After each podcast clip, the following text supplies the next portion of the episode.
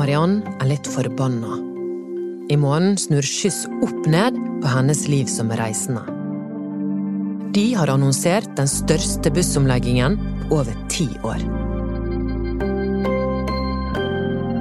Du hører på Hva skjedde? Jeg er Anna Magnus.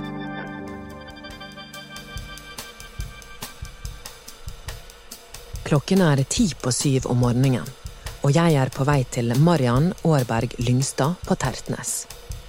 Jeg skal bli med henne når hun skal ta sin faste buss for å rekke kollokviegruppen sin klokken åtte. På Høgskolen på Kronstad studerer hun til å bli revisor. Men denne ruten til Kronstad, som Mariann tar hver dag, er etter 25. mai historie. Mariann er en dame på 40 år. Hun har håret bak i en hestehale og bor alene i et koselig hus i Tertnesveien. Mariann viser vei opp trappene, og nå står vi i en lys stue med store vinduer. Vi er tett på motorveien, men når du titter ut, føles det likevel veldig landlig. Et sånt sted som dette har Mariann alltid drømt om å bo. Jeg bor her fordi at jeg er fra Ytre Sandviken og trives veldig godt i si, nord for sentrum. Nærhet til fjell, nærhet til fjord. Jeg hadde brukt nesten to år på å se meg rundt, og så kom det dette huset her, langt utenfor min prisramme. Så da bød jeg skambud, og fikk det nesten til skambud. så da var det sånn Oi, hva skjedde? Så plutselig så hadde jeg enebolig på Tertnes. Og det har jeg hatt nå i snart ni år. Det ligger grønt til, men det er nesten Jeg tror det er 11 km i måltinga. 11 km til Sjøpassmonumentet.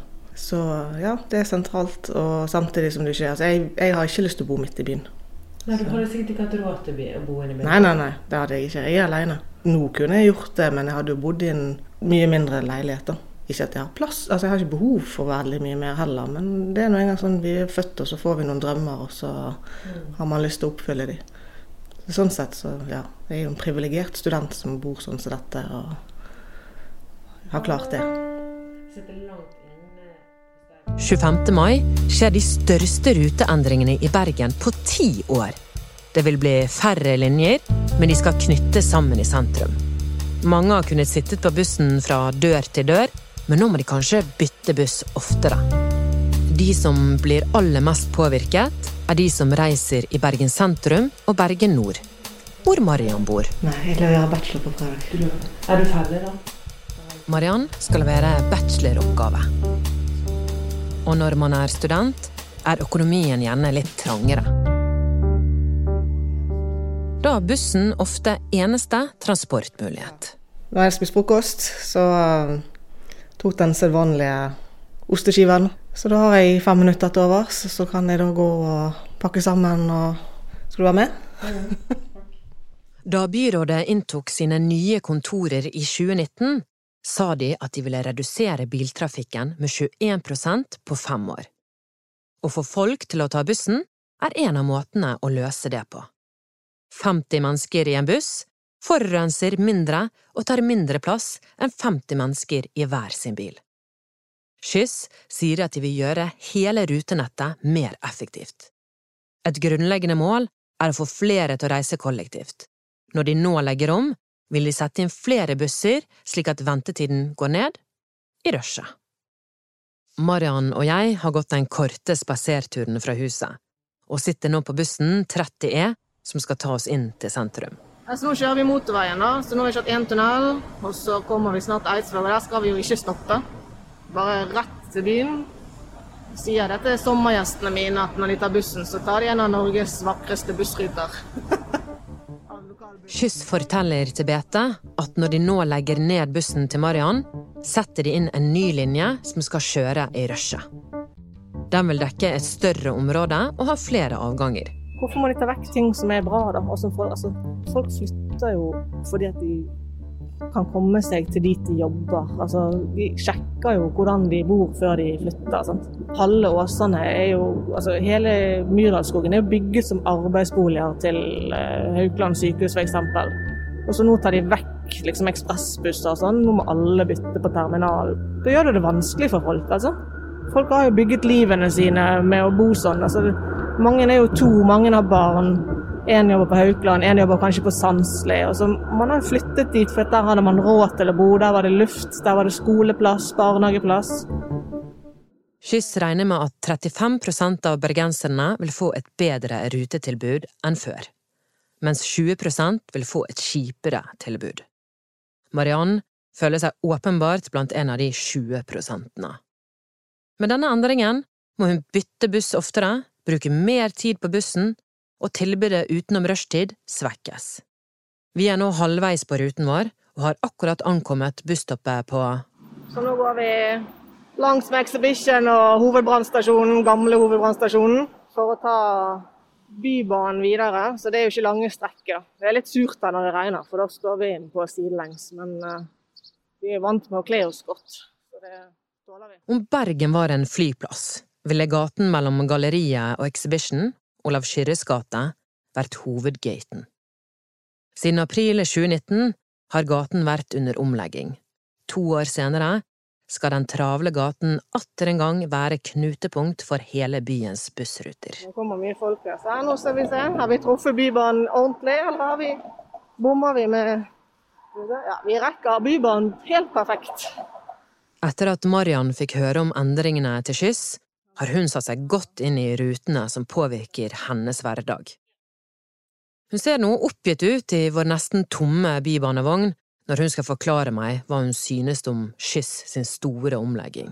Akkurat nå så føles det jo ikke som at de spiller på lag med kundene sine. Hvis jeg skal være en god kunde hos Skyss, så må jo bussen gå sånn at ikke den eh, Sånn at bil på en måte ikke blir en kjempefordel. Ikke bilen vinner hver dag det å fjerne ruter fra folkerike områder og sette inn Jeg kaller det for tullebuss, men det er vel egentlig en slags shuttlebuss som skal gå i rundt og rundt og rundt. Altså, ideen er god, men jo flere stopp du får på en rute, jo mindre interessant blir det å ta bussen. Du har ikke lyst til å stå og vente, du har lyst til å sitte på bussen. Det er styret til å ta bussen fra før av, og du har lyst til å sitte i ro fra du reiser til du kommer fram. Og det prinsippet virker som Kyst bare helt har glemt. Gudrun Einbu er leder for avdelingen for transporttilbud i Skyss. Vi har spurt henne om de har tall som viser at endringene vil føre til at flere tar bussen. Det har de, sier hun, og det ligger omfattende analyser bak. Vi spør er de ikke bekymret for at de som får et verre tilbud, går over til bil? Jo, det er de, sier hun, og det er ikke en avgjørelse de har tatt lett på, men de må gjøre det som er best for flest. Marian og jeg har snart sittet på buss og bane i 25 minutter, og det er ikke lenge til vi er fremme på høyskolen. Dette var ganske, ganske på skinner, men altså, vi, sant, nå brukte vi 27 minutter bare med kollektiv. Så gikk vi jo litt før, og så går vi litt etter. Så reiseveien min er normalt 40 minutter. Skyss forteller at det vil ta ett eller to år før man ser de store endringene i folks reisevaner. Om det blir en bussuksess, vil tiden vise. Marian skal i hvert fall bytte fra å være passasjer til å bli sjåfør. Nei, så Nå skal jeg over på bil igjen, da, fordi jeg har fått jobb fra høsten. Skal jeg kjøre til jobb, så tar det meg utenfor rush tar det meg 20 minutter. Det har jeg faktisk testet for å se, siden det er ny jobb og må vite. Igjen, dette må undersøke og sette seg inn i. Ta buss er ikke det et alternativ, for det tar en og en halv time.